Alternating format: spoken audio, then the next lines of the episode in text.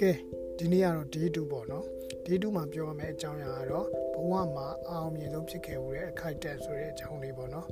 ဆိုတော့ day 2အကြောင်းမပြောခင်မှာမနေ့ကပြောခဲ့တဲ့အကြောင်းအရာတွေကိုကျွန်တော်ပြန်နားထောင်ပြီးတော့ပြန်စဉ်းစားကြည့်တဲ့အခါကျတော့နည်းနည်းတချို့ချက်လေးတွေကျွန်တော်ဟိုစင်ကြရမယ့်ပိုင်းလေးရှိရပေါ့နော်အဲ့ပိုင်းလေးတွေကဘာလဲဆိုတော့ကျွန်တော်စကားပြောတာမြန်နေတယ်ဆိုတဲ့အပိုင်းရနောက်ပြီးတော့ mic တွေနည်းနည်းဝေးနေတယ်ပေါ့နော်နောက်တစ်ခုကပြောတဲ့အခါမှာစကားပြောတဲ့အတန် formal ဖြစ်နေတယ်ပေါ့နော်အဲ့လိုမျိုးမ ဖြစ်ချင်ဘူးအမှန်ကတော့ကျွန်တော်ကကိုယ်တငယ်ချင်းတရားကိုပြောနေတဲ့ပုံစံမျိုးလေးကျွန်တော်ဖြစ်ချင်တာဆိုတော့လောလောဆယ်ကတော့ကျွန်တော်လေးစူးစမ်းတော့ပေါ့နော်အဲ့လိုမျိုးဖြစ်အောင်ဒီပေါ့နော်ဆိုတော့ practice လုပ်နေရတော့ဟိုတပြည့်ပြည့်နဲ့တော့ကောင်းလာမယ်လို့ထင်ပါတယ်ဆိုတော့အခု day 2လေးကိုကျွန်တော်ထပ်ပြောကြည့်အောင်မယ်ဒီတစ်ခေါက်တော့ကျွန်တော်နည်းနည်းရင်းရင်းနှီးနှီးဖြစ်အောင်လို့တငယ်ချင်းပုံစံမျိုးတငယ်ချင်းကိုပြောတဲ့ပုံစံမျိုးလေးဖြစ်အောင်စူးစမ်းကြည့်မယ် okay day 2စမယ်နော်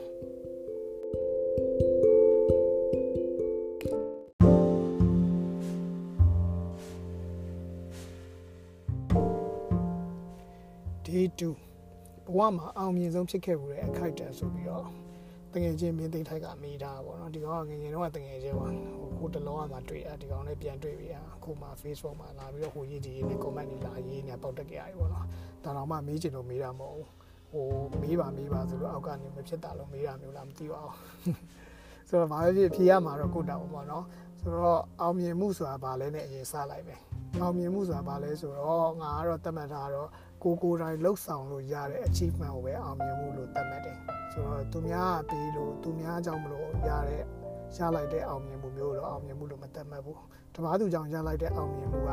တိတ်ပြီးတော့ဟို feed ကပျော်စရာမကောင်းဘူးကွာကိုယ့်အကိုလှုပ်လို့ရတဲ့အောင်မြင်မှုကမှတကယ်ကိုဟိုဂုံရှိတာပေါ့နော်ပြီးတော့ចောင်းစာ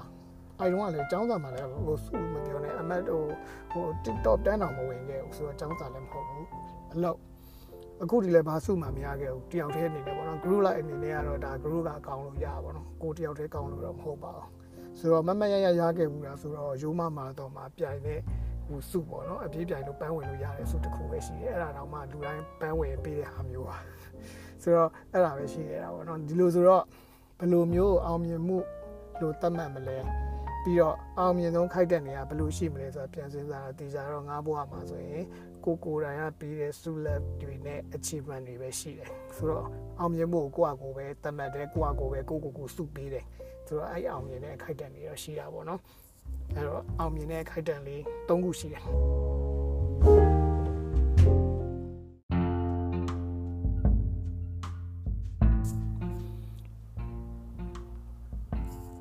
အောင်မြင်ဆုံးခိုက်တန်၃ခုရှိရပေါ့နော်အဲ၃ခုကဘာလဲဆိုတာပြောရင်တော့သူများအတွက်တော့နည်းနည်းရိုးချင်ရိုးလိမ့်မယ်ပေါ့နော်ငါအတွက်ကတော့ဒါကတော့ဟိုတော်တော်ကြီးကိုစူးစမ်းပြီးရလာတဲ့အောင်မြင်မှုမျိုးပေါ့နော်ဆိုတော့ပထမတစ်ခုကတော့လက်ရှိအခုနေတဲ့တိုက်ခန်းပေါ့နော်ဒါကငါရဲ့ achievement တွေမှာတစ်ခုပါတယ်ဘာလို့လဲဆိုတော့ငါရန်ကုန်ရောက်လာတဲ့အချိန်တုန်းကငါဟိုဘယ်လိုပြောမလဲဟို တိုက်ခန်းလည်းမရှိဘူးအိမ်ငါလည်းမနေနိုင်သေးဘူးအဲဒီတုန်းကဆိုရင်ငါရဲ့အဖွားလေးတယောက်ပေါ့နော်အဖွားလေးတယောက်ရဲ့အိမ်မှာငါနေရတယ်ဆိုတော့အဲဒီမှာဆိုလို့ရှိရင်ငါဖျားစင်ချိန်မှာပဲအိမ်ရတယ်အဲဒီကနေစားရတာပေါ့နော်အဲဒီတုန်းကဘယ်ချိန်လဲဆိုတော့မင်းတို့တော့မတ်မီလောက်လာတော့မသိဘူးငါ first year တက်တဲ့အချိန်ပေါ့နော်ငါ manly ကနေရန်ကုန်ပြောင်းသွားတဲ့အချိန်ဆိုတော့အဲဒီအချိန်မှာရန်ကုန်ရောက်သွားရင်ဘယ်လိုလုပ်ရမလဲဆိုတဲ့ဟာကိုပြန်တွေးတဲ့ခါကျရင်ငါ manly ကိုငါဘာမှဟို ဟိုအောင်မြင်မှုတစ်ခုမှမရဘဲနဲ့တော့ပြန်မလာဘူးပေါ့နော်အဲအဲ့လိုမျိုးပေါ့နော်ငါတို့မန်လေးသားဆိုတဲ့တည်းရန်ကုန်တစ်ခါသွားလို့ရှိရင်တကယ်ဟိုဟိုမျိုးကြီးပြကြီးအဲနိုင်ငံသားကြီးကိုတွားတယ်လို့မျိုးကြီးကို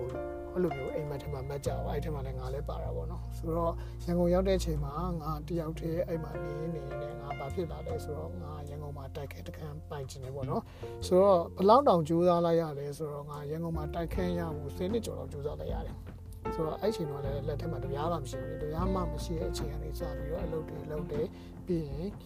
နိုင်ငံခြားခဏထွက်တယ်စင်ကာပူသုံးနှစ်လောက်ထွက်လိုက်တယ်ပြီးတော့ပြန်လာတယ်ပြန်လာတော့လည်းကိုကလှုပ်လဲဟိုမှာလှုပ်လို့ရတယ်လာကပြန်ရောက်လာတဲ့အချိန်မှာလည်းဒါသူ့ပါဘူးဒီရောက်တော့လည်းကုန်လာပါပဲအဲတုန်းကတော့အရင်ကြီးတော့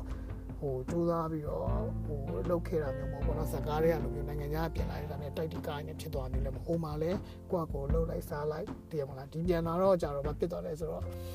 ဟိုပမာပြအလုပ်တွေကိုနဲ့ဟိုမတန်တယ်လို့ဟာကဘေးရောက်ရောက်ချင်တော့အဲ့လိုပဲဟိုနိုင်ငံခြားပြန်နေတော်တော်များများအဲ့လိုပဲနိုင်ငံခြားမှာဘာလုပ်ခဲ့တယ်တော့မသိဘူးငါလဲဟိုမှာလဲဟိုသူများရှိမှဒီဇိုင်နာလုပ်ရတာပဲဒီရောက်တော့ဟိုလောက်ကလည်းမတန်ဒီကိုလို့ကိုဒီလောက်ကလည်းကိုနဲ့မတန်တယ်လို့မျိုးတွေတော့ဖြစ်တာပေါ့နော်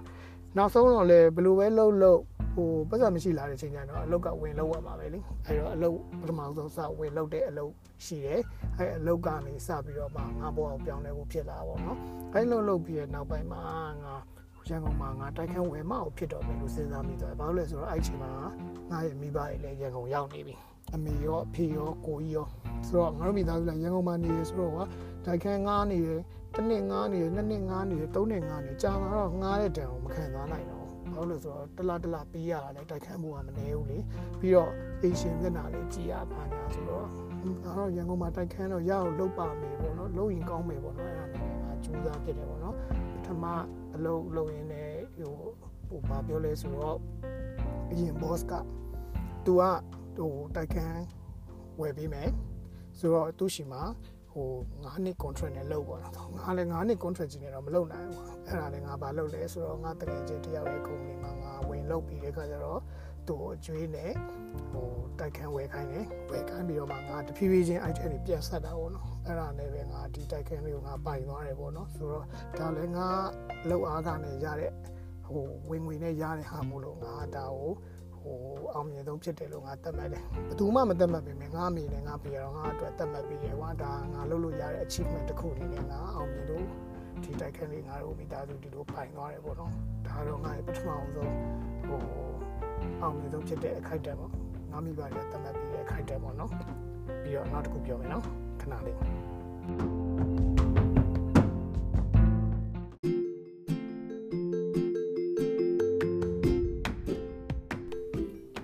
ဒုတိယအနေနဲ့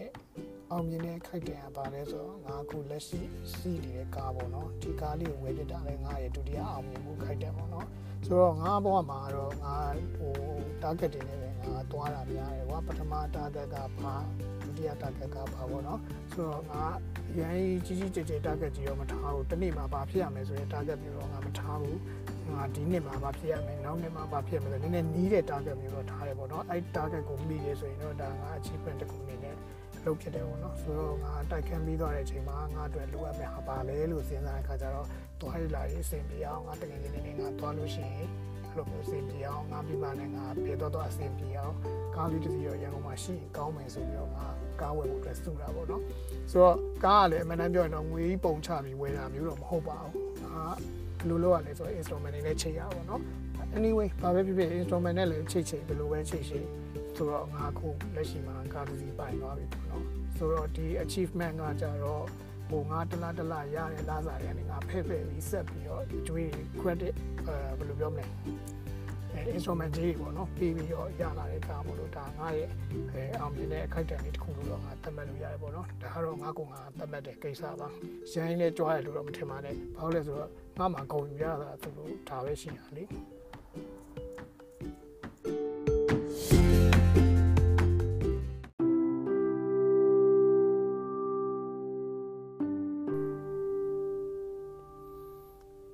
တတိယအကြောင်းအရာတတိယအကြောင်းကတော့အောင်မြင်ဆုံးထဲမှာမှာငါသတ်မှတ်လို့ရတဲ့ဒီအောင်မြင်ဆုံး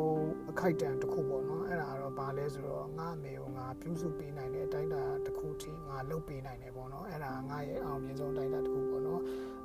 ရင်အားဆိုရင်တော့အဲ့လောက်ကြီးကြီးတော့တိတ်ပြီး serious မရှိဘူးပေါ့နော်ဘာလို့လဲဆိုတော့ငါအမိဘကိုထောက်ပံ့ပေးမယ်ဒီလောက်ပဲငါစဉ်းစားထားတာပေါ့နော် အခုလိုမျိုးကိုဗစ်ဖြစ်ပြီးတဲ့ကာလမှာငါကျန်းမာရေးကိစ္စတွေငါခေါင်းပေါ်မှာရောက်လာတယ်ငါကျန်းမာရေးမကောင်းရင်ဘယ်လိုလုပ်မလဲငါမိဘကျန်းမာရေးမကောင်းရင်ဘယ်လိုလုပ်မလဲဆိုတဲ့အချက်လက်တွေရှိလာတယ်ပေါ့နော်ဒီကြားထဲမှာမှကိုဗစ်ကာလအတွင်းမှာငါမေဟိုတလောကဆေးရုံတက်လိုက်ရတယ်ဆေးရုံတက်လိုက်ရတဲ့အခါကျတော့ငါဆေးကူအားပေါ့နော်ဆိုတော့ငါအမေကိုဆေးကူခွင့် စေးကူးခွင့်လည်းပြောလို့ရတယ်ပြီးတော့အမေကိုပြုစုပေးနိုင်တယ်ပေါ့နော်ဒီတိုင်းတာတစ်ခုကငါအတွက်အရန်ကိုကိုယူရလောက်တဲ့ဟိုအတိုင်းတာတွေမှာပါတယ်ပေါ့နော်ဘာလို့လဲဆိုတော့ဟိုတငယ်ချင်းတွေရောတခြားအကိုတွေရောအမတွေရောဦးလေးရောဒေါ်တွေရောလည်းပြောကြတယ်ဆိုတော့မိဘကိုကိုပြုစုခွင့်ရတယ်ဆိုတော့ဟိုအကြောင်းအရာဒီချက်လက်ကတော်တော်ကိုယူဖို့ကောင်းပါတယ်တော်တော်လည်းကုသိုလ်ရပါတယ်အများကြီးတော့မပြောတော့ဘူးဒါပေမဲ့မိဘကိုကိုပြုစုခွင့်ရတယ်ဆိုတော့ ဟိုအတိုင်းတာလေးတစ်ခုကလည်းအောင်မြင်မှုတဲ့အောင်မြင်အောင်မြင်တဲ့ဟို achievement တစ်ခုပေါ့နော်ဒါကိုကိုကိုဂုဏ်ယူပြီးပြောတာပါဒါကတော့အမေနဲ့ပတ်သက်ပြီးတော့လူတိုင်းလည်းနားလည်မယ်လို့ထင်ပါတယ်ဟိုမိဘရှိတဲ့လူတိုင်းကတော့လိုပဲဖြစ်ဖြစ်ကိုမိဘကိုတော့ကိုပြုစုချင်ကြပဲပေါ့နော်ဆိုတော့ငါကတော့ပို့ပြီးတော့ဟအဆင်ပြေသွားတာပေါ့တော့ဘာလို့လဲဆိုတော့ ငါကလည်းမိမယူမဲ့သူလည်းမဟုတ်ဘူးဆိုတော့အမေအတွက်ကတော့ပိုပြီးကန်ကောင်းတာပေါ့နော်ဆိုတော့ငါအမေနဲ့အနီးကပ်ရှိတယ်ဆိုတော့အမေလိုချင်တာအမေဖြစ်ချင်တာအမေအတွက်ဘာမဆိုအရာရာငါဖြစ်ပေးနိုင်တယ်ပေါ့နော်အဲ့လိုမျိုးဖြစ်အောင်လည်းငါကြိုးစားတယ်ဆိုတော့ငါကအောင်မြင်ဆုံးအချက်တွေထဲမှာဆိုလို့ရှိရင်အောင်မြင်ဆုံးအခိုက်အတန့်တွေအားလုံးထဲမှာဆိုလို့ရှိရင်အမေကိုပြုစုခွင့်ရတဲ့အခိုက်အတန့်လည်းငါရဲ့အောင်မြင်ဆုံးအခိုက်အတန့်လို့ပြောလို့ရတယ်ပေါ့နော်ဆိုတော့ဒီ၃ချက်ကတော့ငါမင်းပြောတဲ့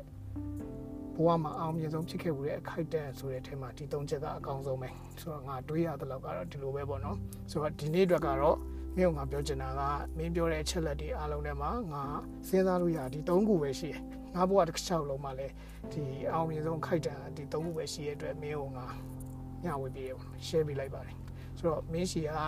အဲပြောလာမဲ့ comments တွေပြီးသွားရင်တခြားအကြောင်းအလေးလည်းငါကြားချင်သေးတယ်အဲ့တော့မင်း comment မှာလာရေးပေးပါနော် okay ကျေးဇူးပဲ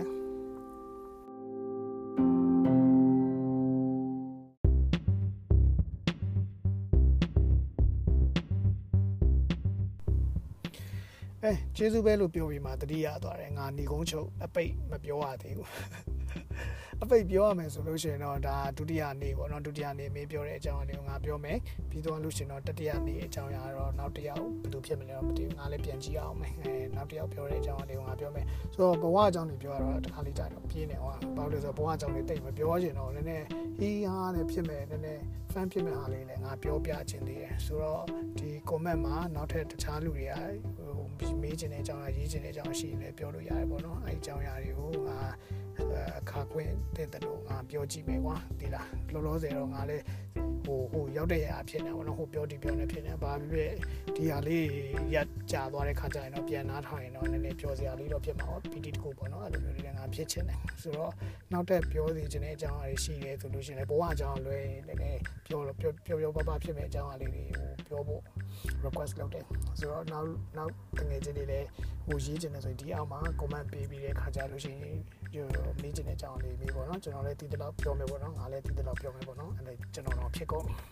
okay okay ဒီနေ့တော့ဒီလောက်ပဲဆိုတော့မနေ့ပြန်အောင်ဆက်ပြောမယ်ပေါ့